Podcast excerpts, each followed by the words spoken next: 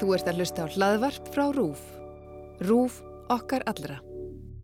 Með verbúðina á heilanum þáttur átta, Ísland. Þetta er ekkert flókið, það, það, það er líka einhvað svona, og það var kannski líka ástæðan fyrir við fórum að gera serju, við, vitum, við vissum ekkert um þetta. Ég skil alveg að það sé auðvelt að hata hana. Og þá er það bara í okkar eðli, bara mannskeppnunar, Mm -hmm. að reyna að finna glöfu. Bara Já, já. Stindislegt að hafa þessi mann. Getur við talað um eitthvað annað? en það er kannski kosturum við það að við erum að halda í svo marga tauma. Já. Það er enginn sem getur sagt nefnir. Grímur er dáinn og við erum mætt í jarðaför. Littli bærin fyrir vestan og harpa eru í áfalli yfir því sem gerðist á sama tíma og þau skilja ekki hvernig það gerðist. Sem ítur undir sögusagnir og slúður um að hugsanlega hafi harpa sjálf bara ítt honum út í sjó. Hann hafi hvort sem er viljað skilja við hana og taka af henni sæjunni og fyrirtækið.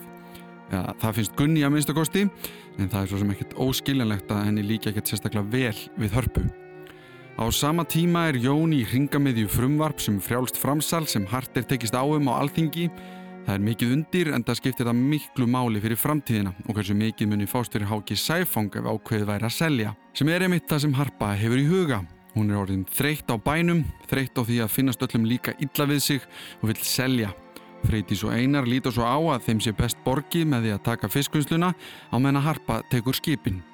Gunnar Már er svo mættur aftur til að kaupa skipin og kvótan af hörpu með lovorðum að halda Þorbjörginni áfram gulri og hún verði gerð út frá vestfjörðum. Harpa ætla sér að flytja til Reykjavíkur með sæjunni en ekki fyrir en hún hefur tekist á við smára sem er mættur vestur til að reyna að klára greinina um vestfjörðarnornina. Jón fær frumvarpið í gegn á alþingi, hann og Harpa selja sinn hlut fyrir gríðarlegar upphæðir, fléttan hefur gengið upp en Þorbjörgin endar á því að snúa við á leiðsinni inn í fjörðin.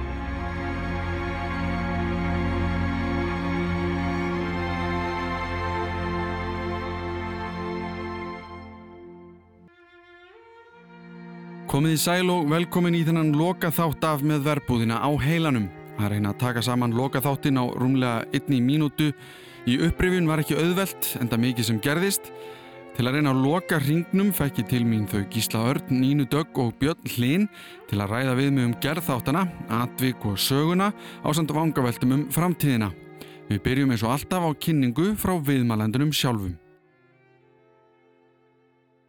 Ég heiti Gísli Örn. Ég heiti Björn Linur. Ég heiti Nína Dögg, Filipustóttir. Mér langar til að gera bara nákvæmlega eins og ég gerði hjá öllum sem ég fekk til mín sem voru á baku töldin í svona þáttum og byrja bara á byrjun. Af því að við það fólk hef ég alltaf sagt í hvaða, eða á hvaða svona, í hvaða skrefi, á hvaða stað í ferlinu komið þið inn.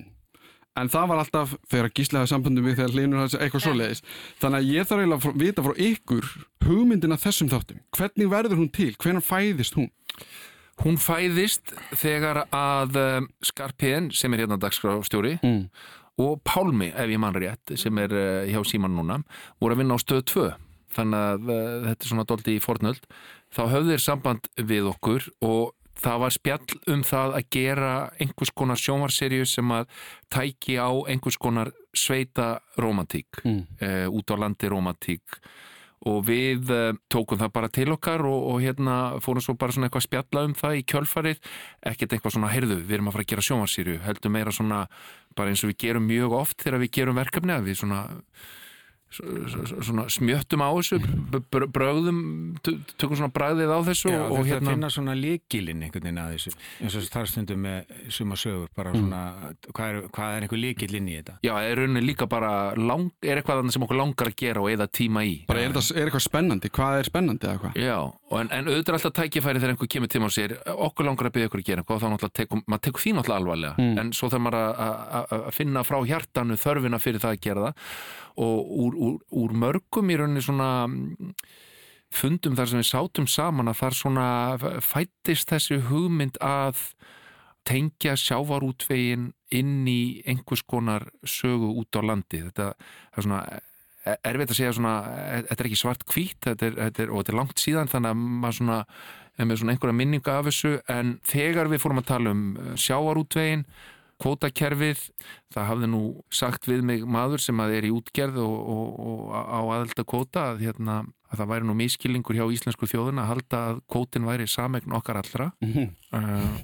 en það er ekkit að því, að því þannig er það bara. Þannig að það er ekki eins og það sé eitthvað, eitthvað breaking news. Nei, nei, Það er bara, fiskurinn í sjónum er ekki samegn okkar eins og hún er í framkvæmt. Mm. Hún er séregn og kannski viljum við sem þjóð bara hafa það þannig og það er þá bara fínt en ekkert okkar skildi kannski hvernig það hafði orð, orðið og af hverju það væri og þá finnum maður kannski til smá svona vannmáttar uh, af hverju veit ég ekkit um þetta og þá svona byrjar eitthvað grúsk er það ekki? Jú. Þetta er svona, þá fer þetta svona í gang hjá okkur og Já, en, en, en sko þessi leið, a- sko áttin sem þetta fór í kom náttúrulega frá hann í Jan Tryggve. Það var náttúrulega, hann benti svona á okkur á þetta. hver er það? Ég man nefnilega ekki eftir því Var það ekki? Nei, ég man ekki eftir því Ég man ekki við heldur munum þetta alltaf einhvern veginn erfis í. Nú Já. er, er það vittlust muna Ég held það já Þetta var auðvitað bara í þessu samtali sem að við áttum öll og því að þú veist Já. við tengdum þetta strax að fara vestur og það er þetta sjávarþorp og þú veist þannig eitt, eitt svona leitt á öðru þú veist já auðvitað og bara hvernig var þetta með kvótan og hvað og þú veist í einhverju samtali og ég meina getur vel verið að Jan Tryggvi hafi Nei, e- eins og ég man Hver er Jan Tryggva? Bara svo já.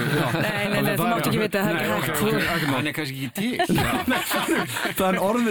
þú ekki vita, það er ekki Hann er kannski ekki til. Mín. Þetta er eins og bara, þetta er óljóst einhvern veginn hjá okkur. Vi, við munum þetta á alla, sko. Mm. Ok, við getum kannski sagt sem svo að við eigum öll aðild að því að vera á Við sagt- Tengingu þangað við getum sagt sem svo að við eigum öll tengingu vestur Við höfum verið svolítið á suðureyri og þar kannski hefur svona mallað í okkur að vilja gera einhvað þar og í rauninni með þessari hugmynda þá svona það, það, í hvert skipt sem við farið ánga þá hefur svona komið til okkar að vera nú gaman að gera eitthvað hérna. Þannig að það hefur nú líka svona ítt þessu svolítið áfram. En þú veist, af því að við tökum af því að í kreditlistanum og mér langar dálítið til að líka staldra eins þar við af því að það eru sko creators eða þeir sem, þá eru þið þrjú og síðan koma höfundar og síðan kemur meðhöfundur.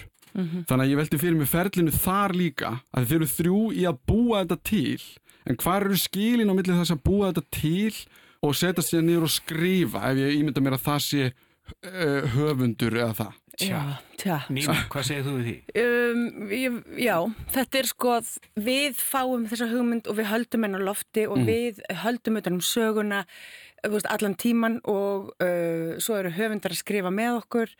Uh, en við búum til þessa sögu og þessa hugmynd og, og keirum það áfram. Það er svona partur af því að vera creators og yfirleitt er það nú þannig að creators eru þeir sem að skrifa síðan áfram þettina eins og strákanir eru. Uh, getum kallað mér svona súkulega en hérna það er bara því svo lili stafsendingu að hérna ég hef ákveðið að bara skrifa ekki neitt. En Nei, þannig að er saga- svona það nú líka, ekki? Það, það nú Nei, hann er nú skrifað ímislegt ég þekka kannski að taka þetta eitthvað tími. Nei, en þetta er svolítið svona, er það ekki? Þetta er svona Jú. hvernig, og við, þú veist, ég meina í þessi tíu ár, þú veist, þá erum við búin að lesa alltaf yfir alla söguna, við Mm. kommenturum á allt, við Já, þú getur rauninni sagt það þannig að við berum ábyrð á þessu frá A til Ö. já, Við fáum til okkar, uh, og, en það er ekki þar með sagt að það sé ekki allir mikilvægir. Nei, nei. Við erum ekki endilega mikilvægust þannig, en við berum ábyrð á þessu, við, við, við höldum á þessu eins og Nína segir og í raunin er þetta þannig að eins og Mikael Torfason sem kemur að þessu þá sem með höfundur, hann náttúrulega kemur inn með ákveðið element uh, og, og ákveðna likla inn í söguna og sérstaklega svona hann, við vorum í smá hnút með handritið og, og hérna og hann kemur inn og, og hjálpar okkur að svona, ja, við, við leysum hnútin saman, við finnum leið sem að svona kveikir í okkur öllum og þá náttúrulega því að hann í, í rauninni á þá hluta af hugmyndinni með okkur Já, já. og þar er hann í raun orðin þá er hann orðin með höfundur Einmitt. Og þa- þannig að sko sagan í gegnum þættina hún er í raun sko konseptið, hugmyndin er komin síðan alltaf þarf kannski að færa eitthvað nýra á blað ég meina bara hvað hver segir, hvernig framvindan verður og allt það Já, já. Er það kemur pínu þar líka? Það kemur náttúrulega setna en, en svona sko við vissum alltaf svona við vildum, við vildum alltaf svolítið segja svolítið svona sögur svona í ágætist tempói og vildum hafa þetta svolítið sprúðlandi lifandi og hafa þetta komist líka því að svona hugmyndir svona per se þegar þú heyrir hana fyrst er kannski ekki alveg sko ekkert neitt eitthvað brjálað entertainment við vitum það alveg en hérna, ég held að þeir sem hafa hort á þættina hún áttu sig á því að þeir eru, þú veist, það er mjög mikilvægt að þeir séu skemmtilegir og litríkir og kraftmiklir Mhm. það, var einhver, það var eitthvað svona energi sem að við sko vildum alltaf stefna á með þá En hvað segir hann? Já, nei, ég líka bara að tala um, þú veist, og svo auðvitað við vildum færa þetta, þú veist, nær okkur, þú veist, að, að þetta, þú veist, eins og bara við erum öll vinir Mm. og, og, og, og þetta fjallar um þessi, þessi vina hjón sem að, þú veist, kaupa tóra, Já, þannig að tengingin er svona inn á við fyrir okkur líka, eða Mhm. þú veist, þannig að sagan sé nálagt okkur, Mm. ekki bara, þú veist, eitthvað um eitthvað fólk sem að, Nei, tengja þetta, var, þetta var í rauninni svona ef að við hefðum verið á þessum tíma á Já. þessum stað Mhm. þegar að e, þessi ofveiði á sér stað og það þarf að bregðast við því og gera eitthvað þetta er í rauninni hvernig hefðum við sem vinahópur díla við þetta Mm. þannig að dæmisagan er í rauninni já, þetta er bara, þetta hefði geta gerst. Við hefðum alveg geta verið þetta fólk svona raunverulega og spila svona úr þessu. Og svo kannski eins og Linur er að segja að, að við erum náttúrulega búin að vinna mjög lengi saman, þekkjum hvort annað mjög vel. Og það er svona ákveðin bara gleði í okkur sko. Og ég, ég, ég vil bara segja sköpuna gleði og þar, þar kemur líka þessi svona, já bara þessi leikgleði. Hún er ekkit, henn er ekkit tróðið inn, svona bara erum við svona gerum við okkar verk og Mhm. Ef að fólk hefur séð leiksýningarnar okkar þá eru þær um, já, við, veist, það, það, það, eru, það er oft litríkt og skemmtilegt og, en líka hádramatíst og við, svona, við, við fylgjum dólta mikið bara okkar eigin hjarta, myndi ég segja. Getur ekki tekið undir það? Jú, ég geti tekið undir það. En ef við teikum þá aðeins þetta af því að þú nefndir bara ef einhver hefur séð leikritin okkar af því að þetta er náttúrulega kannski til að leikstýra sjónvarpi í fyrsta skipti og kannski að skrifa svona heila stóra serju sem að þeir einhvern veginn bara herðu þetta verður bara sundarsköldum og rúf og allt þetta munurinn þar á að því þið þekki leikusi það er ykkar heimavöllur Já, en við erum samt að sko, við vorum í meðvitað um það að nýta okkur það sem við erum innan gæðsalappa góð í. Við erum óhrætt við að hafa, þú veist, nokkur löng samtöl. Það er nokkra senur sem eru hansi langar og eru algjört no-no í, í sjón, ja, ekki sjónvarpi kannski en í bíó og svona. mm. En við erum góðið því. Við erum góðið í bara þessi, að við þessi... þurfum ekki að þjappa öllu saman, við gefum okkur stundu tíma því að Mhm. það þjónar bara sögunni sko. og líka bara svona í tökunni sjálfum kannski svona einhver einhver leikús áhrif sem er bara eitthvað svona það er ofta meiri svona frelsi til að leika sér í leikúsinu heldur en í bíó. Er stundum allt svo niður njörfað og allt þarf að vera var þetta lag komið út?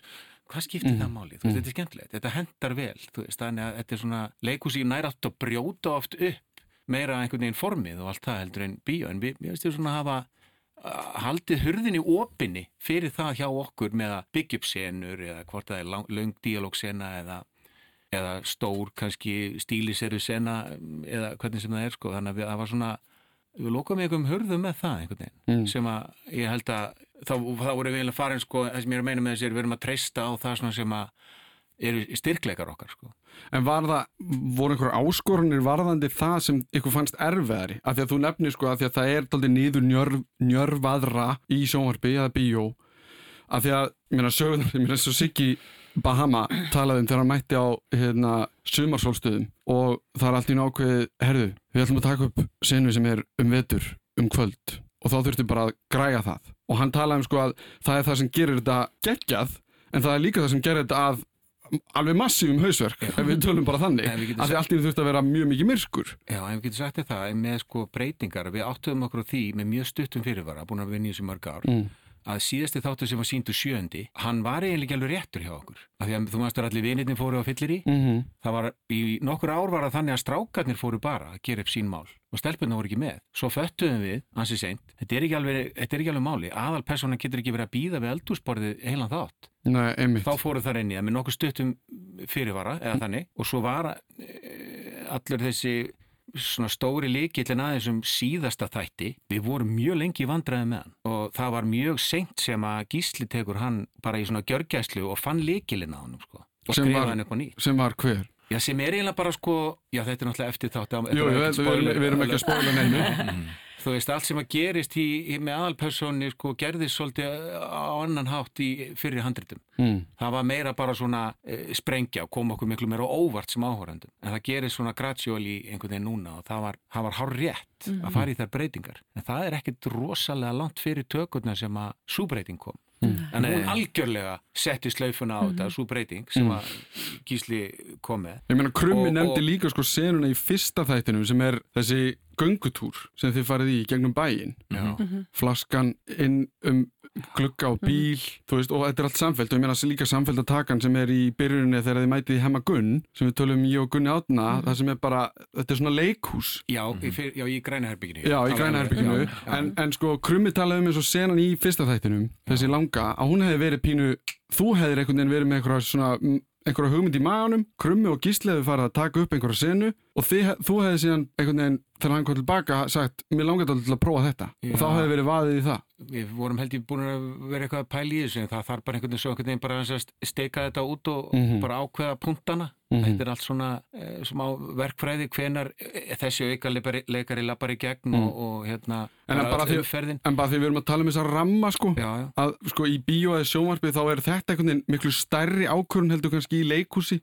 Það sem þú getur sagt, ef við ekki að prófa þetta og það þarf ekki að pæli, heyrðu, hvað eru kamerunnar, hvað eru ljósinn, da da da da da, við getum bara að prófa það, að meðan að þarna þarf að fara í kannski aðeins meira reiknistæmi um hvernig við látum þetta gangu. En það er kannski kosturum við það að við erum að halda í svo marga tauma, Já. það er enginn sem getur sagt nefnir. það er enginn sem getur rekið okkur. Einmitt. Meina, og, flop, og, og, floppið, og floppið væri bara okkar. En, en, en þetta er svona talandum breyting og þetta er kannski kosturinn eh, við erum alltaf búin að vera í þessum bransa í tólti mörg ár sko, og við erum búin að vinna mikið eins og við segjum í leikúsi og það er mjög algengt þar finnst mér allavega að, hérna, að maður breytir til dæmis upphafin á endinum á leiksýningum, sko alveg undir það síðasta af því mm. þá einhvern veginn ertu komið með sko hismið, kjarnan í þessu og þá einhvern veginn svona, þá tálkar nýja byrjun og, og endir þannig að það verði alveg svona skýrt mm. og það svona fóru við, það svona voru þessu endurskrifu átöndu þætti og til dæmis í fyrsta þætti að við, síndum fyrstu tvo þættina í Fraklandi uh, á velunaháttiðinni Serismania og unnum þar aðalvelun mm -hmm. sem er bara frábært og stórt mál og allt það nema þá horfum við á byrjun á þættunum og vorum svona, hmm, þetta er ekki alveg rétt, byrjunin. Þannig að þá endur skrefum við byrjunin á þættinum og við skutum aftur upphafið af fyrsta þætti. Þegar ég stend og horfi í speilin mm -hmm. og er að tala við sjálf að mig, það var ekki til. Þegar ég lappa nýra á höfn og hitti nín og hlinn, það var ekki til.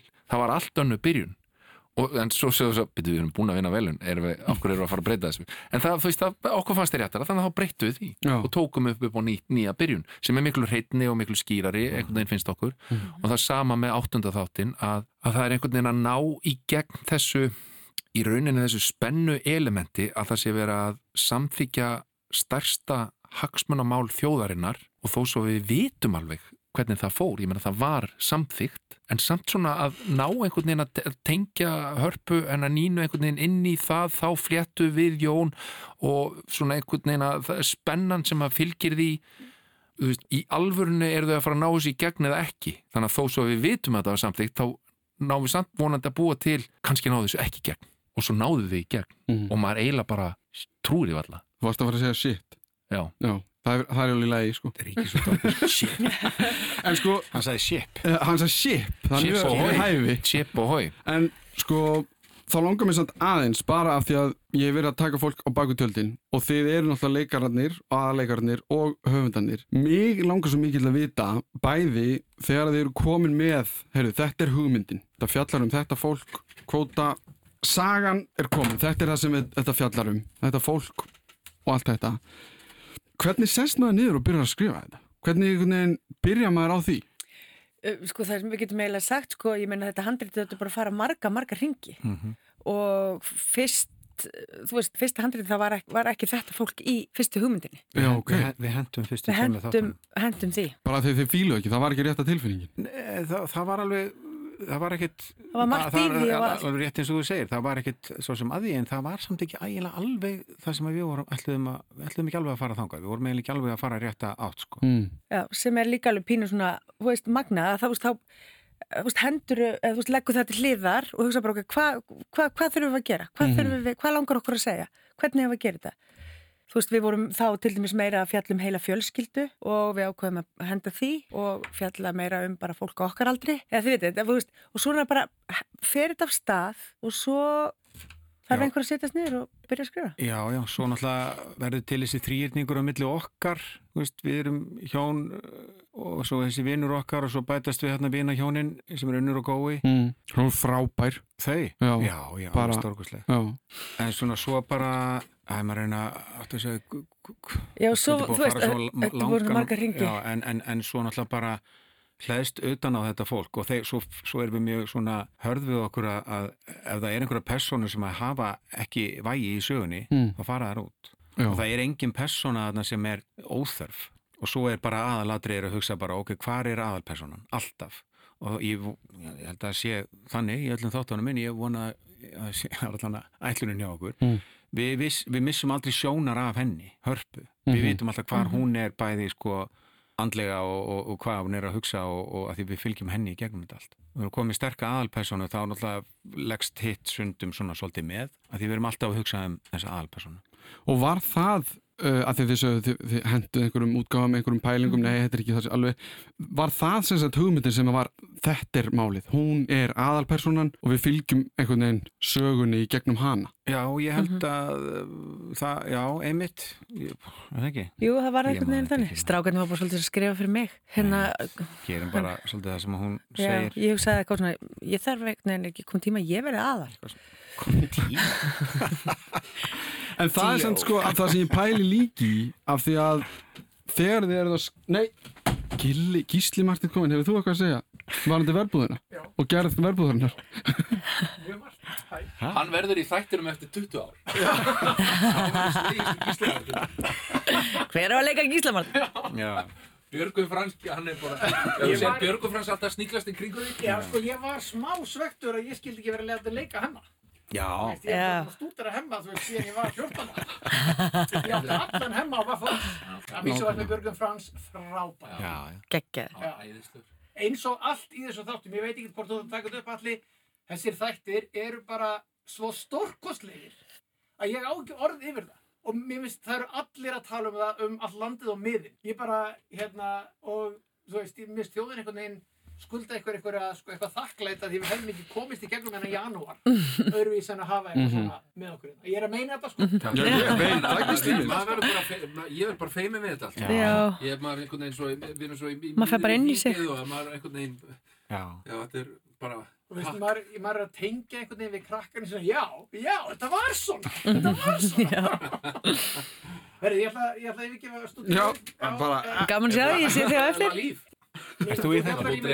Ég gera, ég gera. Já. Já, ok. ekki máli um, Nei, því vorum að tala um að skrifa þessi ákvörðun þegar harpa verður, herðu þú veist, og eins og hún er, menna, hún er alltaf hún er svo mikið, menna, Kristín Júla talaði um bara, Nína er hún er eiginlega alltaf bara einhvern veginn í mynd í öllum þáttum Já, en svo kannski kemur í framhaldinu, þú veist, ok, við verum að fara með henni í eitthvað ferðalag, þú veist, förum þá með henni frá þessari bara alþýðu konu ritaranum að vestan yfir í það sem hún, þar sem hún endar. mm -hmm. Og Það hvernig er gerist nú- það? Og þú veist, svo Já. bara hlæðist það utan á, skilur sagan utan á, þú veist, þegar maður er komið með eitthvað svona. Já.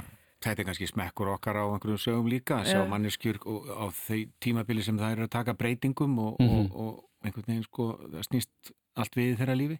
Og það, það sem er dálítið geggjað við að vera svona í þessum prósess að þetta er einhvern tíma gerðu við leikrit þar sem að maður sagði sko, það var einn setning sem heldur góð sem að var, var, var hönd sem að greip um fiskinn og svo sagði leikarinn, ég veit ekki hvar höndin byrjar og fiskurinn endar. Og það er svolítið svona með verbúðina. Og hún er búin að taka svo yfir líf okkar að ég veit ekki lengur sko hvað kom hvaðan eða hvern, þið, þið vitið, maður er bara orðin einhvern veginn og ég held ég að við lístu þessu einhvern að tíman þegar maður, og við sátum og erum að skrifa stundum bara, þú veist, sumar senur bara, allt í nú var bara búið að skrifa hún var bara komin og maður veit alltaf hvað maður gerði, þú veist, það var einhver, bara einhver töfrar í loftinu stundum og stundum eru sumar senur ógeðslega erfiðar og maður er bara ógeðslega lengi að berja þær saman og finna einhvern essens í þeim. En, en er ekki, ekki Jú. þetta er bara svona einhvern veginn þetta bara, þetta var svo bara, þetta greip okkur einhvern veginn. Mér leiði einhvern veginn eins og, bara eins og þín og önnur bara einhvern veginn, þú ert aðeins að vinna fyrir öðrum, einhverja senur þarna komu bara og, eru í þáttunum eins og þau voru bara gerð, eða einhvern bara í upp bara einu sinni veit. og aðrar hafa farið í gegnum alveg í vinduna alveg endalest sko. En hvað með þá voru þið búin að ákveða og þegar þið eruð að skrifa hver af ykkur er hvað? Ég meina, ok, Nína, það var kannski þú ert harpa Já. Meina, Jón Við Grímur var það Já, ég hætti nú meira menn alltaf, þau eru alltaf að reyna að forðast að leika hjón, sko. Þannig að ég enda mjög oft sem maðurinn en að nínu, sko. Nei, Ég tek því bara fagnandi, það er bara já Stindislegt að hafa þessi mann. Getur við talað um eitthvað annað? Nei, svo var það líka þetta aftur í þessa vinatengingu sko, svona hvað væri líklegt í þessum vinahóp Þú veist, ég væri kannski líklegri svona einhver hérna braskandi bæjarstjóri heldur en Linur Linur væri líklegri svona að vera hérna kannski að- á, á, á bát og svona með, með, með sitt dæmi þar. Saltjarðar bara. Já, og Nína væri sko hérna Hvað væri Nína? já, Nína er einhvern veginn miðjan á þessu öllu. Þú veist, svo erum við, erum við hérna að þykjast alltaf að vera óða mikilvægir og- en, en Nína er einhvern veginn miðjan í þessu og svo náttúrulega Yngvar sem að þú veist, er þá þessi aðalskipstjórin og svo ertu með Góa sem er velstjóri og Unnurösp sem er þá eh, tekur yfir fiskvinnsluna og eitthvað, þetta er svona og, og, og Selma þessi svona þú veist, kona mín sem að hérna í þáttánu sem að, þú veist, segir hlutina bara beint út hún er svolítið svolítið, þú veist, við erum öll svona svolítið Já, það er einmitt það sem ég er að pæli sko, þegar þeir eru síðan að skrifa og pæli hvað gerist í hvernig þætti og hvernig eru það að setja á fram hvort það sé auðveldra að gera þeir eru með einhverju ákveðna karaktera, leikara þá eða eitthvað, í huga sem eru að leika þessa karaktera. Já, eftir að við erum búin að ákveða hver það er, þá er náttúrulega er gott að vera með andlit á, á persóninni þegar hún er sett nýra á blað, sko, Mhm. en það voru stundur sem að við völdum, það voru mjög ólíki kandidatar sem vorum að velta fyrir okkur á sem hlutverkin, sko. Já. Já, sérstaklega Gils muniði.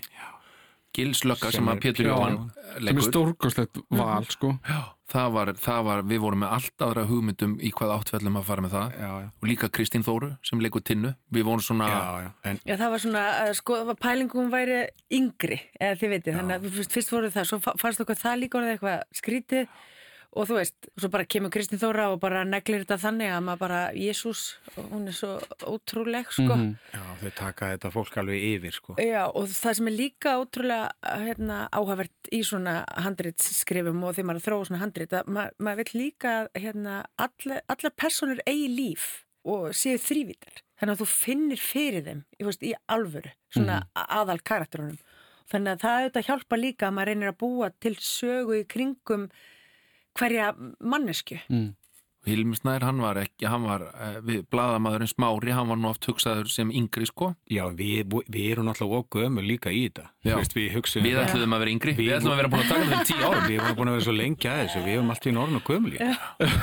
Bara Það er sem bara, nei, heyrðu, ok, við bara skulum bara fá leikara sem eru líka svona gamlir eins og við. veit.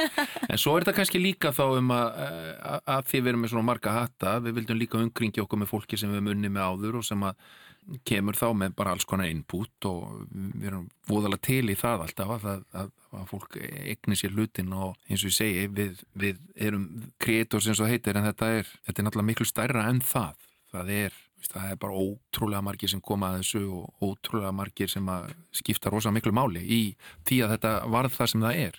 En ég pæli bara í því að því að ég held að bara eftir fyrsta þátt að þá komur samfélagsmiðl að þú veist þegar fólk bara byrja að tala um þetta að því við erum að tala um leikaravali þú veist að þá ertu með sveppa og hann er alltaf einu ekki sveppi og hérna töfraeplið eða eitthvað.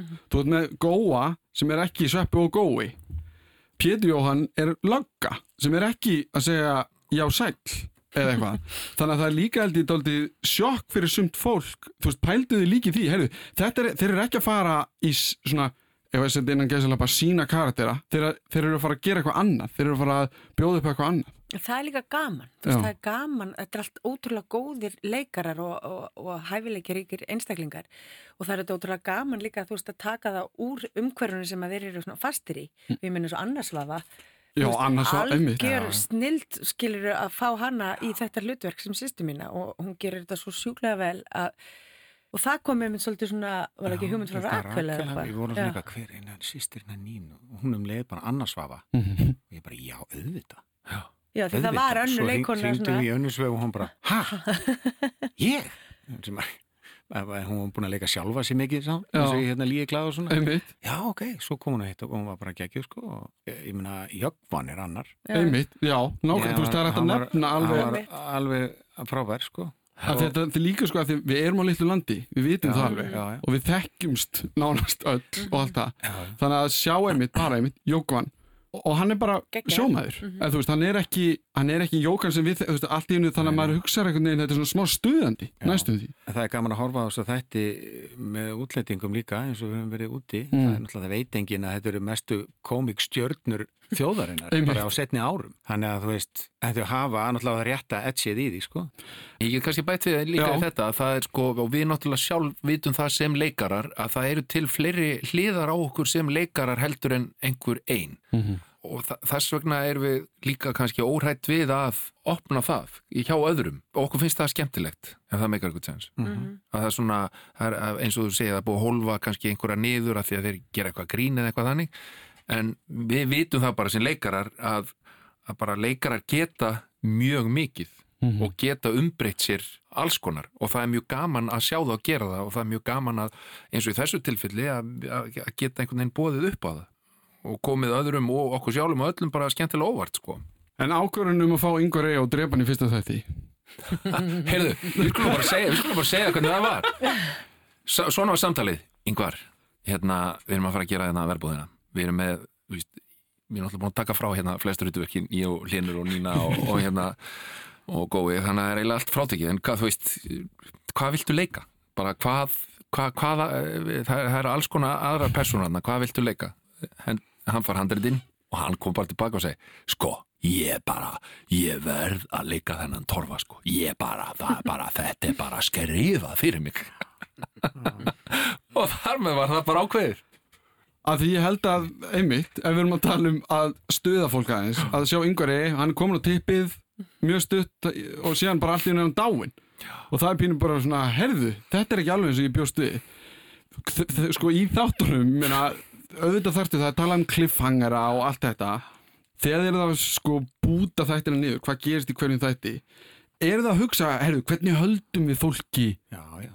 þú veist, eða er það bara, herðu, látum bara söguna gerast einhvern veginn innan ekki að bara náttúrulega. Já, það verður alltaf að vera smá húkur. já, en það er líka kannski bara frekar sé mjög meðvitað um bara látum yngvar degja og allir Nei, bara það er "Wow." ekki þannig. það er bara, bara hvað er, heyrðu, þetta er gaman, þú veist, þetta er bara já. þú veist, hérna, og það er líka það, ég menn, hann þarf að deyja mm til þess að samningurinn fókist upp. Já, Þú veist, hann er döður, við hvernig á að gera samningin það er annað skipstjóri í bænum. Kjölur, þannig getur harpa fengið þessa hugmynd Mhm. að bara hvað ef að við göngum inn í þetta og les samningin og þetta er bara einhver lánasamningur og Jón er búin að braska þetta einhvað og draga bróðu sinni inn í þetta en það verður að vera skipstjóri ef að þessi samningur á að ganga upp skipstjórin döður, hvað gerur þá? Það er að finna nýja skipstjóra og þá tekur sagan svona allt aðra sko, bara tekur Snýr svo haus. já, já. já. En svo er alveg ástæði fyrir því að það er þyrluslis í lok eins þáttar og, Mhm. og þú veist, hérna, þetta er náttúrulega cliffhangerar auðvitað. já. Og hérna, svo erum við farin að skoða á alla í heilsinni, sko í klippi og annað, og hugsaum, ok, þessi ekki ekki aður. Ah, það vantar eitthvað eins í þennan hérna. Er hann jafn góður? Þú veist, hvað vantar? Þú veist, þannig að þeir verða að vera allir neglur Mhm. fyrir sig, sko. En er það ekki aldrei mikið, að því ég er búin að tala við Kristján til dæmis, mm. Lónfjörð, klippara og eins og hann sagði þá fekk hann bara efnið eða bara stanslust þegar það var bara næstu í daglega þegar það var búið að taka þau upp og hann byrjar að ræða þessu upp og allt þetta og það tala alltaf öll sem ég tala við tala um samtalið, það er engin eiland þetta er alltaf bara sama hvaða hlutverki fólk er í. Þá eru þið kannski ringamiðan þið eru samtalið sem er alltaf að eiga sér stað.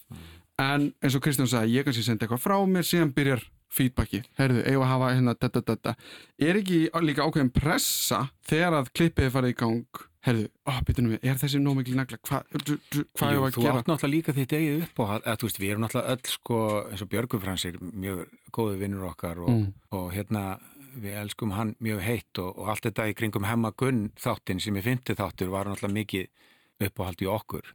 Þannig að það var svona við erum við meðvituði í svona í framhaldin af því að halda dampi sko. Að sjötti þurfti að vera góðu líka. Já, og svo fann maður kannski líka stundum, uh, fann fljótt að það verður að vera svona, þú veist, þetta pólitíska verður að liggja einhvers þar undir Já, alltaf. Það verður alltaf að koma einhvern veginn, þú veist, það, sú þróun verður að halda áfram vegna þess að það er raunni, það er raunni, sko, áttaþáttaserían, þú veist, henn, henni líkur í áttundaþætti. Það er raunni, kliffhangerinn er í raunni eftir áttundaþátt, þannig séð í þeirri sögu, Vist, þannig að þróun sko kvótakerfisins er svona si- sinn eigin ángi sem að svona, sem að svona þræðist í gegnum þetta uh, við liðan á öllu hinnu.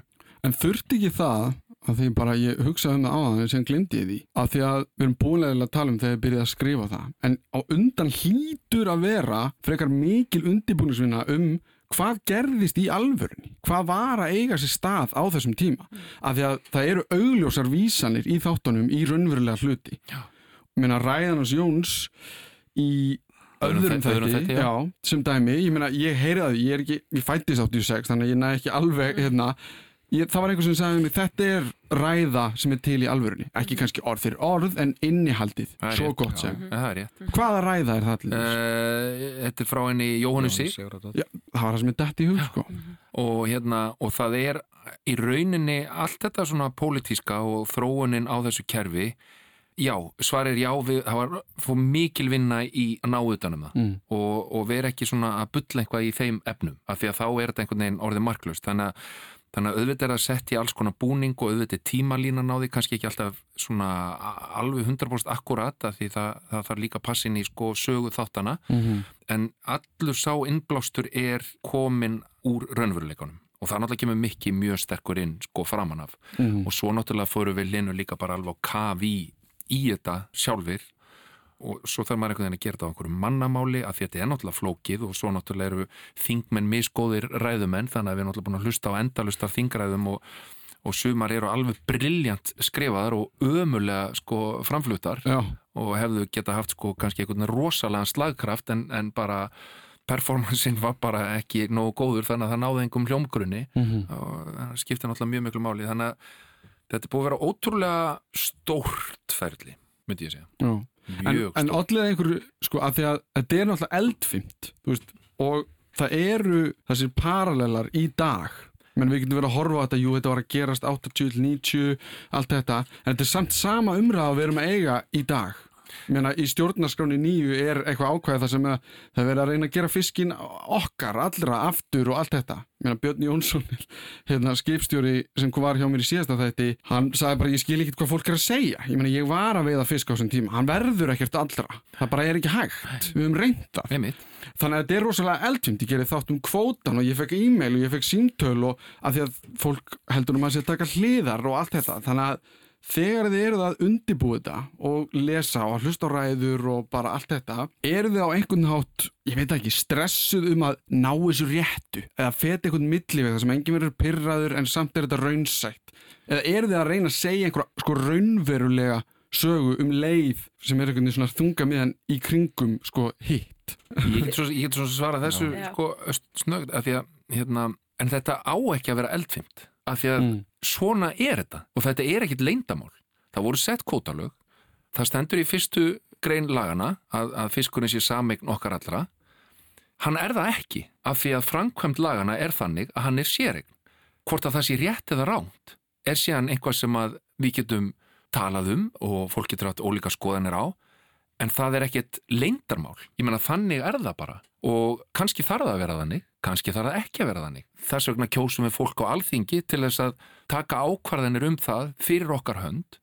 Og þetta er ekkit flókið. Það, það, það er líka einhvað svona og það var kannski líka ástæðan fyrir við fórum að gera serju við, vitum, við vissum ekkert um þetta. Og af hverju vitum við ekkert um þetta? Og af hverju er þetta einhvað feimnismál? Ég meina, þetta er Ísland, þetta er landið okkar þetta er, svona er því háttað. Og núna skiljið það betur.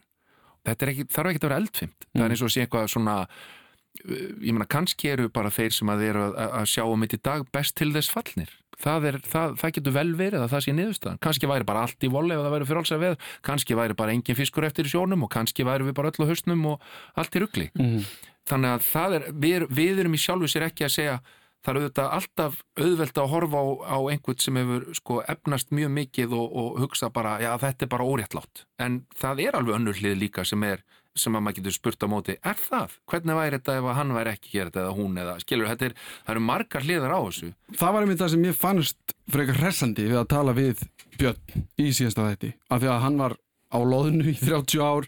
Hann er með eitthvað svona mjög hvað var að segja, jarðbundna reynslu og skoðun á þessum. Hann tala bara um, meina, sá sem átti hérna, hitta þetta fyrirtæki og hitt fyrirtæki þegar þetta byrjaði þá var hann bara með hálfan bát og var stýrimæður og síðan bara kefti hann kvota hér og síðan einhvern veginn byggði hann upp þetta hér. Og ef að það gekk ekki upp að þá fór hann bara á hausinn og einhver annar tók við. Og þannig bara á þetta vera. Sveitafélagin er ekki verið reykita sem áttu líka kvotan og mér fannst mjög eiginlega bara geggjað í síðasta þættinum af því hann talar nákvæmlega í síðasta þætti. Hann bjöð um sundlugarnar sem voru byggðar hjá sveitafjölum fyrir gróðan af kótanum sem þau seldu og allt þetta. Og síðan snýr skipi við sko að fléttan í þættinum er samt og mér finnst hún mjög snirtilega gerð en það er fólk sem er að ná einhverju í gegn og mögulega hefur það mjög slæm áhrif fyrir eitthvað annað fólk en þetta er bara staðrind, svona bara var þetta Mhm. og það efnaðist einhver og það mun alltaf fara í taugarnar á einhverjum Mhm. að einhver verði ríkur og ég er það ekki Mhm. þannig að það er aðlag sko þetta hvort að það hafi verið undirlengandi verður einhver brjálaður eða verður einhver reið eða reiður yfir í að sína þetta svona kannski frekar hlutlust en samt sem eitthvað Jón, meni, Jón er að fletta hann er, hann er sjávarútursráðara og hann er að græða pening sjálfur.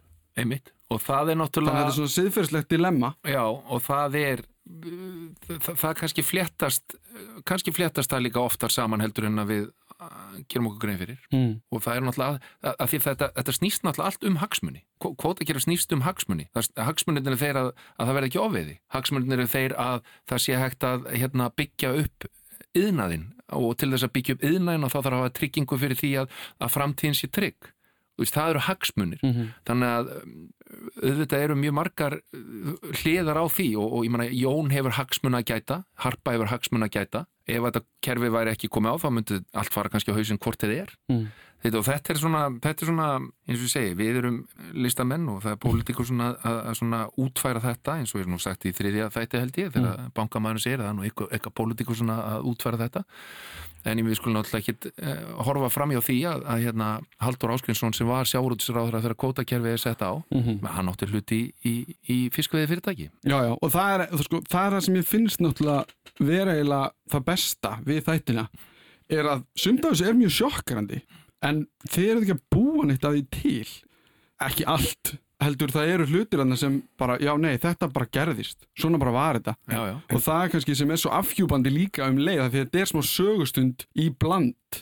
Já, já, þetta er náttúrulega líka bara, sko, þegar við erum að skoða þetta og sjáum, ok, það voru svona mikla glöfur í þessu systemi, eða þessum reglum eða lögum eða hvað skal kalla. Og þá er það bara í okkar eðli, bara mannskeppnunar, Mhm. að reyna að finna glöfu. Finna hérna fyrir eins og einhver bara síldartorfa reyna að finna gati í netinu eða whatever, sko. Já, Og það virðist að hafa gest þarna. Og hvað segið það okkur? Ef maður verður alltaf með stífari reglur á öllu og lögum allt, viljum við það? Þetta er bara, ég veit það ekki. En þetta var svona, trúlega svona en þið hljótið hafa lært mikið samt á sama tíma. Já, mest það hvað þetta var sloppi, skilur við, hvað þetta var skringilega að þessu staðið. Og það er það sem er mest að leggja fyrir okkur að því vorum örlítið og ung til að bara átt okkur á því svona á þessum tíma, sko. einmitt.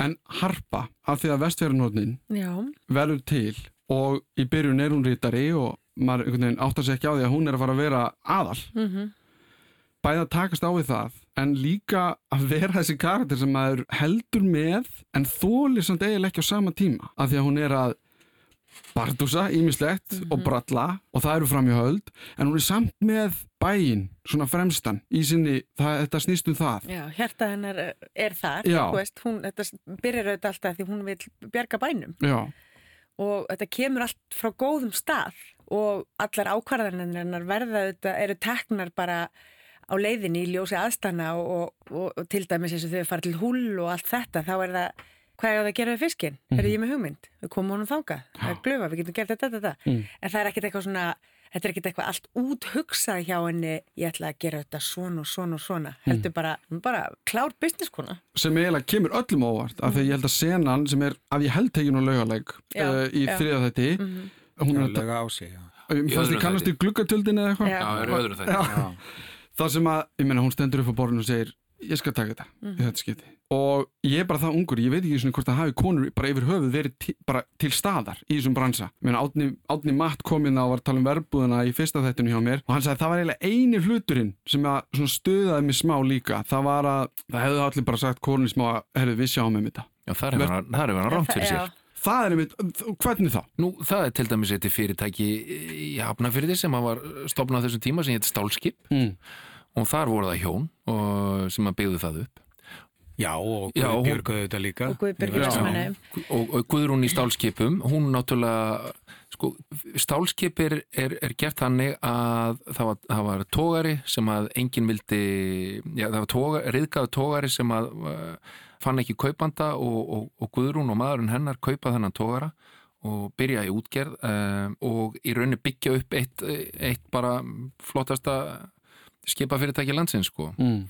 og hún hafði verið að ég held rétt með minn rétt rítar á, á fastegna skrifstofu og hún var með bókaldi bara heima við eldúsið og, og vannaði þann og byggði þetta upp bara eins og harpa. Ég held að það er séu sko svona mjög jákvæð inspirasjón inn í þessa vinnu okkar, bæði sem við erum að nefna hana og, og Guðbjörgu líka sem er barnaskólakennar í Vestmanneim og, og maðurinn hennar er að reka þetta í Vestmanneim, þetta fyrirtæki og, og, er, og fellur frá bara um 50 og hún kemur þarna inn og tekur í við, við stjórnar taumum þú veist, við, þetta er bara svona inspirerandi sem, sem sterkur karakter. Einmitt, af því að en hún við er erum ekki þetta er engin ádeila á þessar konur þetta er meira bara, meira bara Og ekkert- sko jákvæði inspirasjón fyrir aðal personun okkar Mm. sko. og alls ekkert byggt á þeim eða neitt þannig, þú veist, ekki, þeirra lífi eða neitt. Nei, nei, en það er alveg bara sko að því að maður ímyndaði sér eins og Átni sagði einhvern veginn að hann hefði upplýðið hann heim bara svo kalla hann Já, það hefði engin rödd hvenna verið að heyra hann hins þar að, en í fyrsta lífur eins og Harpa sé pínu að reyna að halda þessu öllu sa- saman. Hún er bara að hlaupa bæinn endilangan Já, bara til þess að reyna að einhvern veginn að bjarga þessu öllu en saman hún sko. kemst að því líka þegar hún enda með hennar samning í vasanum hvað þetta er í raun einfalt og þund, mm Mhm, -hmm. skilur þetta plott þeirra bræðrina sko. og það er nú svolítið svona klassíst íslenskt sko Já. þú, þú hérna Já. kaupir eitthvað á föstudegi og borgar það með fyrirtækinu á mánudeginu Einmitt, það er nú stóri fyrirtæki verið kipt að mig og hún hefur sko, hún er hérna að, að taka, uh, dreifa kleinum á bæjarskrifstofinni en sko hún er, og hún finnur snemma þetta svona öryggi í sér til þess að stíga inn í hennan heima því hún sér hvað þetta er í raun og veru mikið kalla kalla kæftæði sko. Mhm. Já, já, svo er þetta Þannig líka annað, hún, hérna, bara eins og maður hefur gefið sér að hún auðvitað bara þekkir allt á þessari skrifstofu, veit allt, hún er með yfir sín, yfir allt, Já. bara svona svolítið svona eins og konur eru, þú veist, með hérna þriðja verklæðið, þú veist, það bara, þannig að þetta er ekkert eitthvað langt frá henni þegar að það kemur til skara að, að stökkva á þetta, þá, þú veist, er hún eins og hún segir við, hérna, karakter hans Óla, já, Sverri, þú veist, ég kann þetta allt, ég veit þetta allt, Jón veit ekki neitt, þú veist, og hún veit náttúrulega ekki heldur á þessum tíma hvert þetta er að fara. Nei, eina sem hún er að hugsa, hún þarf bara bjarga bænum, annars bara verður skipið selt eitthvað annað. Og hvað gerum við þá? Þannig að þú veist, það bara dræfið er rosalegt. Þetta er bara upp á líf og dauða fyrir heilt þorp. En hvernig var að takast á við að leikana? Af því að þetta er svo svakalega stort, hún er svo ótrúlega margslungin karakter. Af því að þú eins og segir, hún er að reyna að gera þetta fyrir the greater good, ef við slettum smá. Já, já. En ég meina, kærasta mín sagði eftir fjólaþátti eitthvað, "Ó, ég hata hana.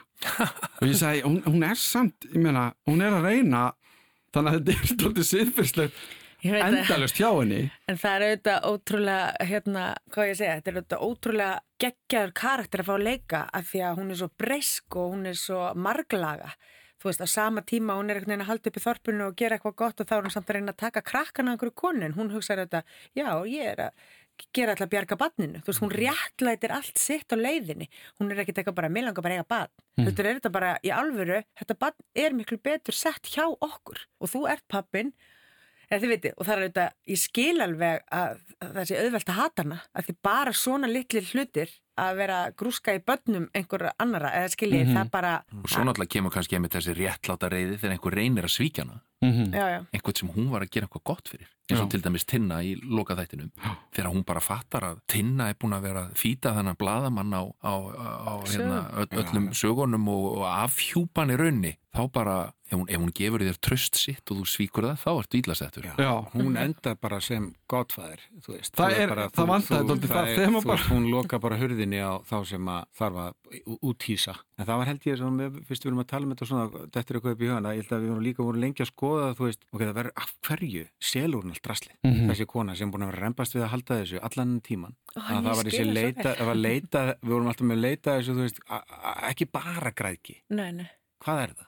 Já, en það finnst mér við klára það mjög vel að því að hún leggur þau upp. Hvað viljið þið? Þetta er ekki eitthvað, þú veist, ég, eina sem er hjá henni, ég get ekki verið hérna. þú veist, ég þarf að komast í burt, ég er að kapna hérna og hún leggur það upp í hendunar á hinnum, hvernig vil ég hafa þetta? Það er Bærinni farin að saka hann um að, að svona, kjafta söðun farin að segja að hún hafi trint honum Einmitt. Já, já, og svo finnur hún bara fyrir Já. öllum þessum augum á sér og þetta verður bara, já, sem maður segir, hún bara næri ekki andanum og þannig að ég skil hana svo vel, hún þarf bara að koma sér í burtu. En Þetta er svo, þetta er svo viðkvæmt líka þegar þú ert með svona mannesku sem að drottnar yfir þér að það er svona, eins og var einhvers að sagði okkur einhvern veginn sko, þú veist að við þráum öll þennan einræðasæra með hjarta úr gulli. Þú veist við elskum að hafa einhvern yfir okkur sem að við getum treyst að er ekki að fara að, að fokka okkur upp sko. Mhm. og hún er það svo lengi, hún er alltaf með hagbæjarins, hann kemur hann norðan. Hann, sé- hún, ég, ég mun aldrei selja. Það er bara alveg á hreinu, en svo gerist eitthvað og við fylgjumst með henni, komast á þetta stig að vera farin að finnast hún sjálfur og hann utangar í þessu verndaða samfélagi sem hún er búin að halda utanum og halda lífinu í öllu sér ár. Þannig að allavega eins og okkur líður með það að við einlega bara svolítið Já, við verðum eiginlega að skilja það að hún bara ákveður að selja. Og mér finnst ég allavega að gera það. En ég meina, að þegar við erum að tala um atvik, ég meina, maðurinn er náttúrulega deyr. Já, Það er ákveðin ákveðin já, já. Það er ákveðin vendipunktur. henni, henni, henni lí, svo fyrir hún að átta sig á því að það er eins og fólki í bænum sé fara að pískraða um það að hún er mögulega geta gert eitthvað Af því að það er allir einhvern veginn, hulun er einhvern veginn svift, það í er allir byrjar að hata hana og trúa einhver Já. góð upp á hana og vininir hennar eru sem þess að, ég meina Gói og, Já, já. og e, Eirún og hérna, Freydís og. Einar. Í hennu að byrja að spyrja sjálft sig einhvern veginn heldur hún hafi hrindunum, en svo ákvörðin Já, ég ætla að mynda að segja, það er sem er svolítið gaman með það, Mm. að því að þetta fór í marga, marga ringi. að grímur myndi degja. Nei, og hvernig? Mm. Og, og hvernig er þetta gert og hvað? Og einu sinni var þetta allt öðruvísi og En var hann alltaf að fyrir, fyrir, fyrir tíu árum þegar Nordic Noir var, í, var, var að ná hæðum þá, þá, hérna, þá drap Harpa Grím já, En hann var alltaf að fara að degja eða eitthvað.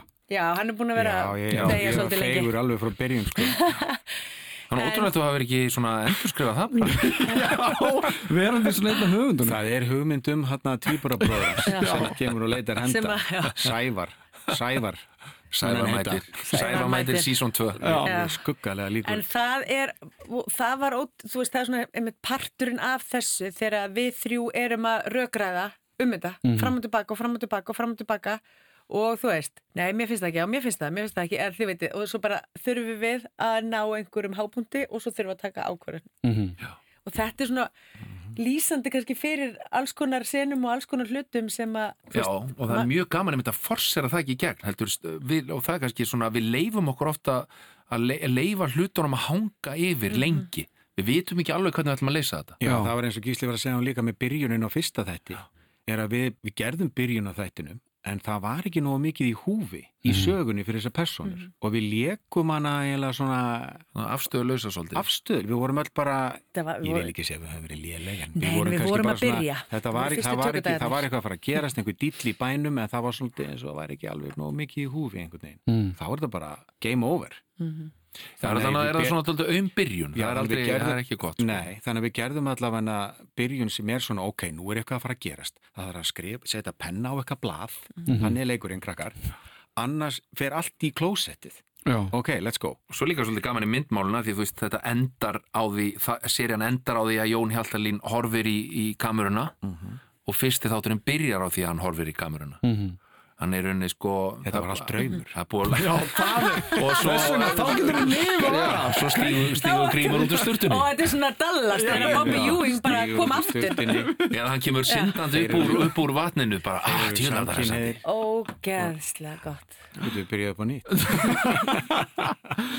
En sko, að því að við erum búin að tala um að þið eru svona allt um leikjandi í þessu verkefni höfundar, creators en síðan kemur það sem er, væri á einsku producers held ég, Já, að það eru þið framleiðendur segi, og það eru þið þrjú brús nana. Já, hvað þýðir þetta framleiðandi? Hvað er nana, hvernig er hún inn í þessu? framleiðendur og framleiðandi ber ábyrð á því að allar deildir séu að fá það sem þær þurfa fjárhagslega til þess að gera í rauninni uh, verkefnið til þess að uh, sko hugmyndirnar á papírnum til þess að handritin geti lifnað við þá það kostar náttúrulega fullt af peningum og framleiðandi þarf að, þarf að bera ábyrð á því að þeir peningar séu til og að þeir peningar fari í réttun hlutvöllum til allara deilda. Þannig að þetta er, þetta er mjög stór pakki og alveg nýri síðan algjört micromanagement þar sem þú ert að passa að það verði ekki overspend einhver staðar að verði eitt og miklu og þetta, þetta þarf allt að ganga upp þannig að þetta er alveg gríðarlega mikilvægt hlutverk og þetta er svona ef það er ekki peningar þá er ekkert verkefni. Og ef að peningarnir klárast þá klárast ekki verkefni þannig að Nana sem er í, í þessu teimi með okkur og við erum í rauninni, við erum í rauninni fjögur sem að gerum þessa verbúð hvað það varðar sko. Við, við, hérna, við þrjú og Nana. Hún kemur fersken í þetta og, og ég, það er eiginlega ekki þetta að segja hana en hún sé bara stórkostleg og, og, og þetta teimi er, er, er, er mjög, mjög gott teimi saman. Og við ættum að gera vonandi alveg fullt að lutum áfram. Ég með langaði líka til að nefna því að, að það eru þú og Hlinu sem eru leikstjórar mm -hmm. en síðan er hún Marja Marja Reyndal. Ma, Já, hún er að leikstýra.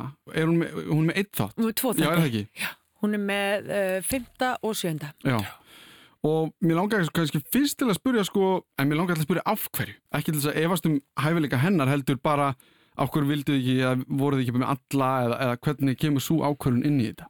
Það Og það var rauninni svolítið að því að uh, við hlinur erum svolítið mikið að leika á mótu hverjum öðrum í 15 og 7. þætti. Þannig að, hérna, þannig að við hugsuðum sem svo að það væri eh, ágætt fyrir okkur að, að fá aðeins að, að stíga til liðar þar. Og svo var auðvitað pæling líka þá að fá uh, svona kvenlega sín á móti Já. í leikstjórn. Já, mm -hmm. og einhvers veginn getur komið bara með input í bara allt saman líka og verið bara, það er allir sem að koma inn í þetta eru bara hluti af teiminu. Já. Þannig að okkur langaði að fá, Marja er algjör snillingur, okkur langaði að fá hanna bara inn í teimið Já. og fá hanna til þess að taka svona, þegar við erum öll voða mikið svona hlaupandum allsbera fara hún í sjóun og eitthvað, þá var voðalega þægilegt að þurfa ekki að vera að hlaupa upp úr sjónum á tippinu, á tippinu og, og, og, hérna, og horfa á hvernig þetta hefði verið. Þannig að, hérna, þannig að það, það, það reyndist mjög vel og það var frábært að fá hann inn og mjög... Er. Já, bara frábært og það var ótrúlega gaman líka sko að því að þeir tveir leikstýrið þetta bara öllum þáttunum saman. Mm -hmm. og stundum var þetta þannig þú veist að þeir voru báðir að leikstýra mér sko í sikkurt eirað. Þú veist, eitt hljópa bara, mér svona. Og ég bara, ok, svo kom hinn og sagði eitthvað annað. Ég bara, strákar, þetta gengur ekki. Annar ykkar verður að tala við leikarana. Og þú veist, þið þurfa að ákvæða hvað það að segja. Þið geti ekki verið með tvö skil og þá sögðu, ok, ok, og svo okay, fórum okay. við bara í sikkurt eirað aftur. Nei, þið hlustuðu nefnilega Þegar til að hlusta. Já, kannski, kannski breytist það hjá þér en engum öðrum. nei, það er ekki það. Nei, nei, nei, nei. Þið hlustu já, já. og áttu ykkur á því að það er ekki takt að... Nei, nei, ég, við höfum orðið geðvikið sjálfur sem leikar. Já, jésús minn, þetta var líka bara... Að orðið sko. En þetta var nú bara svona í byrjun, þið voru svo kvatvísir. Já. Það var svona bara... Já, þú gerðu svona, veist, það var svo gaman. Það var svo gaman, fengur sikkur á hugmyndina. Það var bara, óóó. Mm. En hérna, já, að það var mjög gott að hafa Marju Reyndal hann svona á kantinum til að halla sér upp all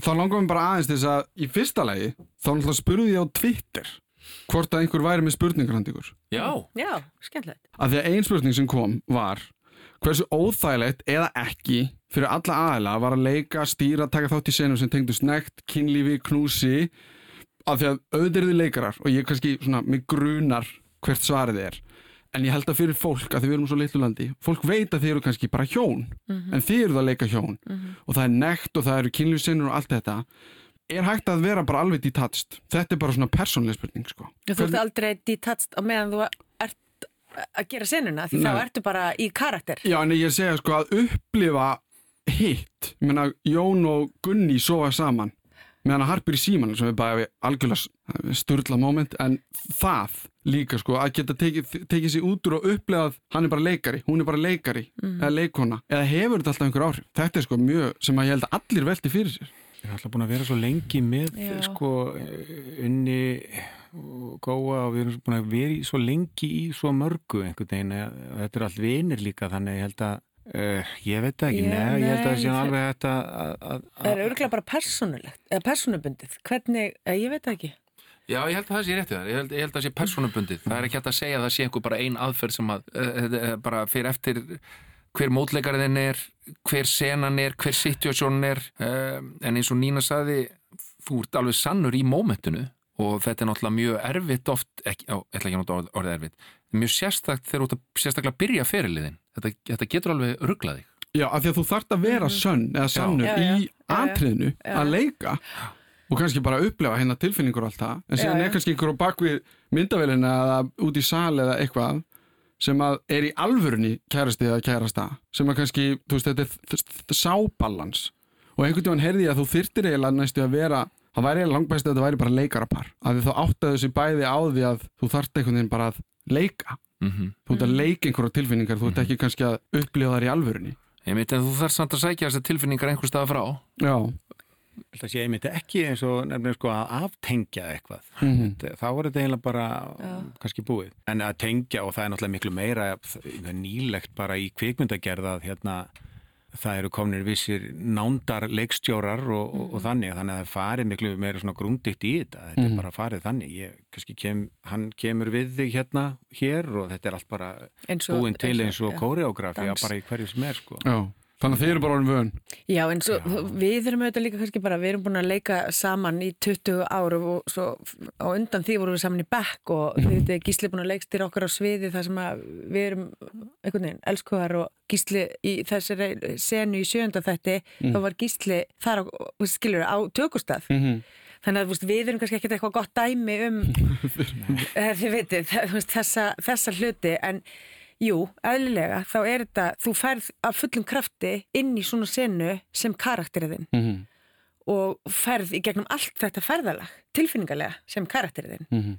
svo þú veist, verður að stíga út úr því og fara heim og hérna, hitta börniðin og sjóða fisk og, og hérna, þú er á, á þetta Setið þótt og bara halda hún að þótt og lífa þú, krakkarnir er eftir að lesa og eða skilur en maður gerir þetta alltaf, alltaf heilum hug Mhm.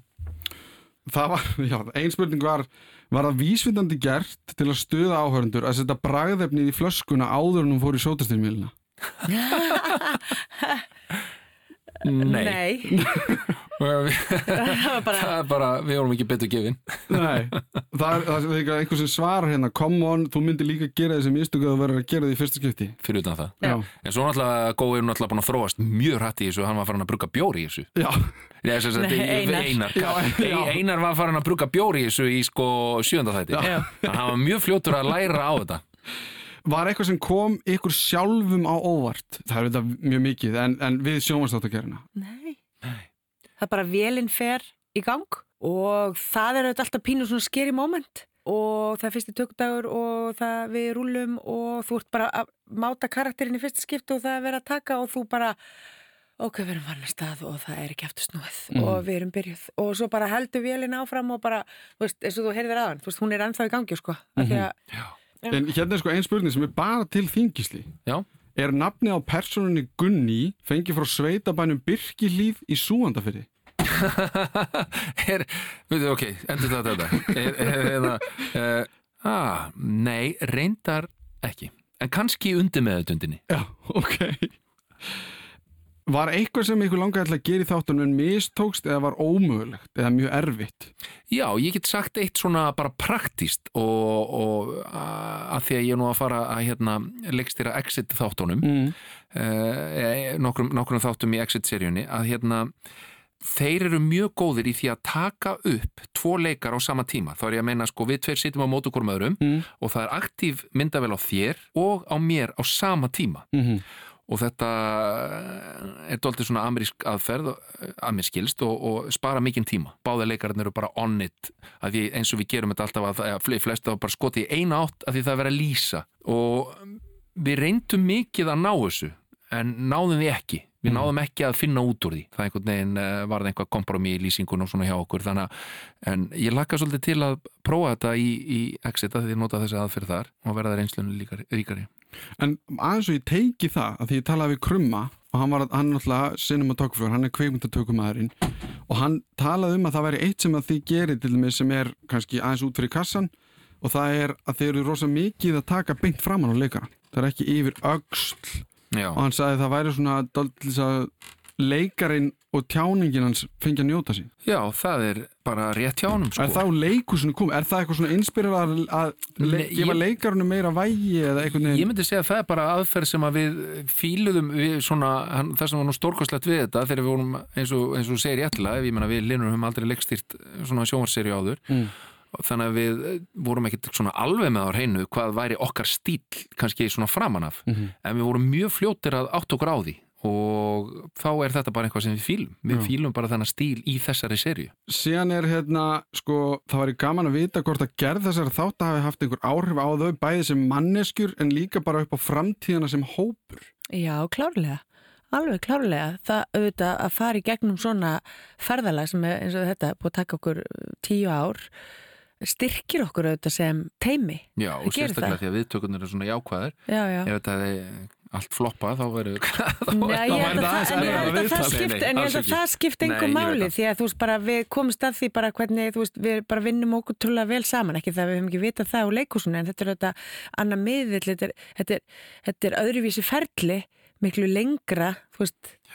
Uh, þannig að þetta, já klárlega hefur styrt okkur sem hóp og teimi myndi, Já, myndi ég get, já, ég myndi alveg taka undir það og sérstaklega eins og sko, Nana sem að e, framleiðir seríuna með okkur, að hún er svona nýji teiminu og þetta er, ég myndi segja að við, erum sko mjög öflugt teimi sem er sko komið til að vera og mikið líka eh, sem reytuöndur náttúrulega stórkostlegu sko þannig að, þannig að okkur laka mjög mikið til að halda áfram þessi hópur.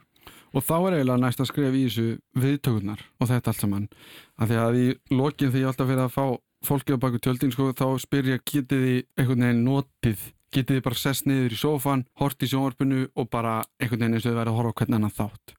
Það er svona, það kennir ímsa grasa varandi svörin sem koma þar. Ég meina að fólk náttúrulega kannski horfur á það sem var að gera og hugsa, oh, ég hef nú geta gert þetta einhvern veginn öðru sig og allt þetta.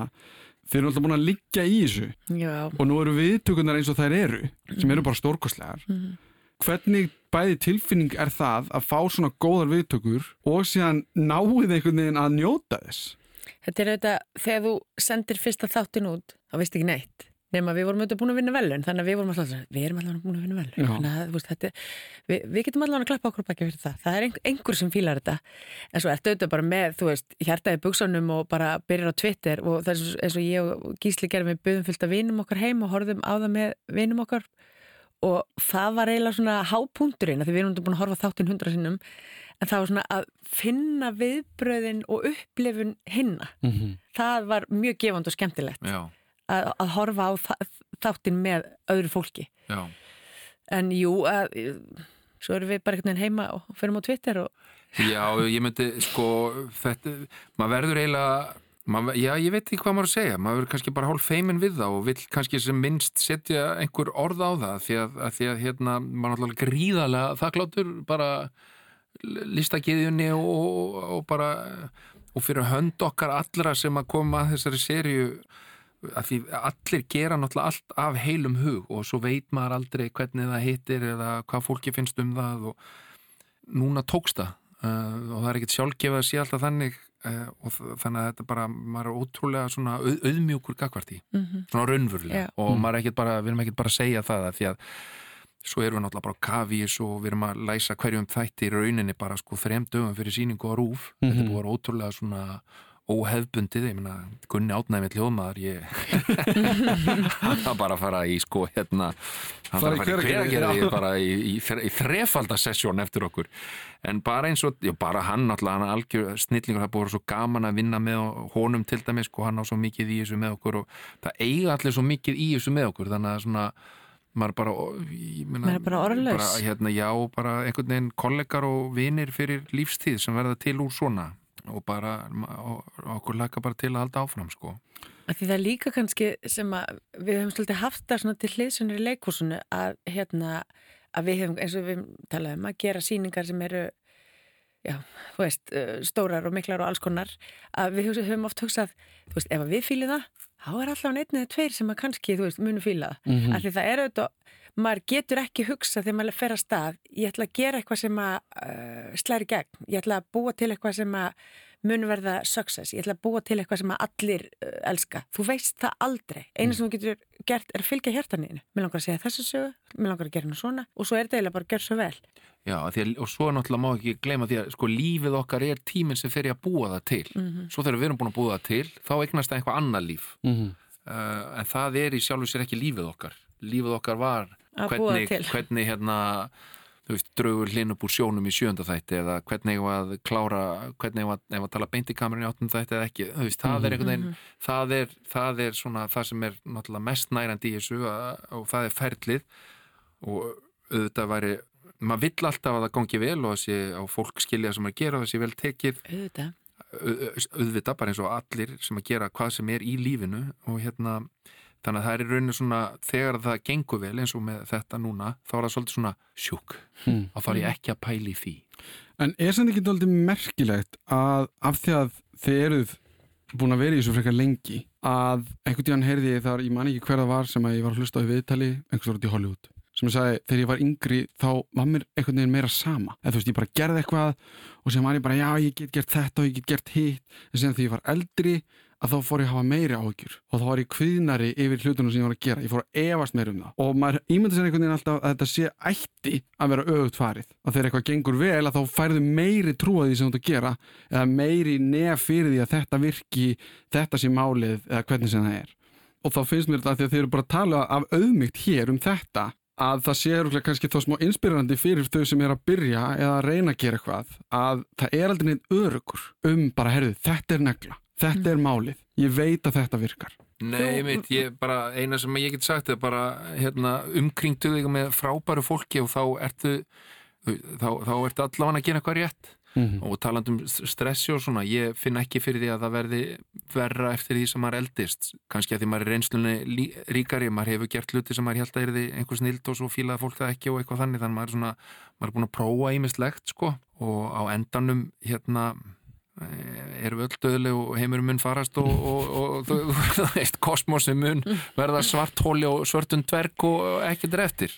Þannig að þú veist, þannig að maður bara, bara hérna, reyna að njóta þessum best maður getur með, með sko og ve- og velja sem besta fólki með sér í það. Eða, eða og hengja sig á fólki eins og maður getur Já, en það er líka eins og þú segir, þú veist, það er svo mikið leiðin að útkomunni. Þú veist, ferðalagið er að búið allt til. Þá skiptir svo miklu máli að, að vera með gott fólk og að það sé tröst og gleði og, og kunna átt á.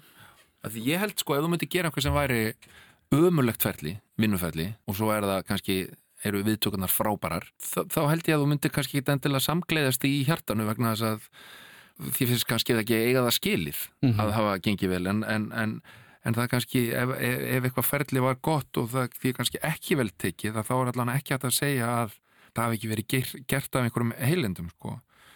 Þannig að ég, ég myndi sko fyrir okkur, ég held ég tala fyrir hönd okkar allra hefur ferðalagið og, og fólkið sem við vinnum með alltaf verið í forgangi sko. Og þá er það lokin, hvenær kemur meira? Eða kemur meira? Já, það, það, það í, Það kemur eitthvað. Já, það kemur eitthvað Það, kem, það kemur eitthvað. Já. það kemur eitthvað. Núna erum við svona við erum með, við erum með fullt af hugmyndum auðvitað og við erum náttúrulega bara búin að vera dóldi lengi í, með hausin í þessu mm. en núna er að rofna, rofna til en kemur framhald af verbúðinni já, Það ef ég segir það þá þarf ég að drepa þig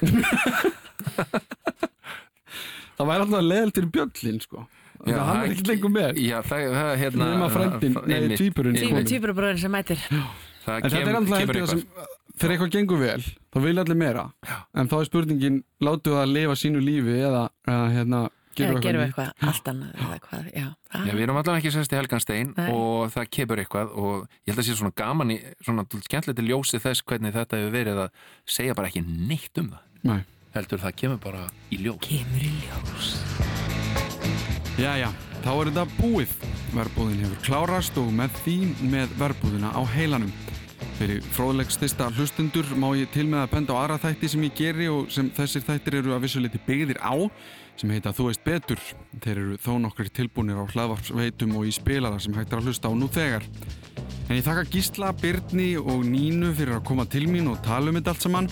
Líka bara fyrir að gera þættina til að byrja með. Þetta er búið að vera stór skemmtilegt og gefandi ferli og ég er bara eins og þið því spenntur eftir því að sjá hvað gerist næst. Ég þakka því fyrir mig og segi takk fyrir að hlusta á með verbúðina á heilanum.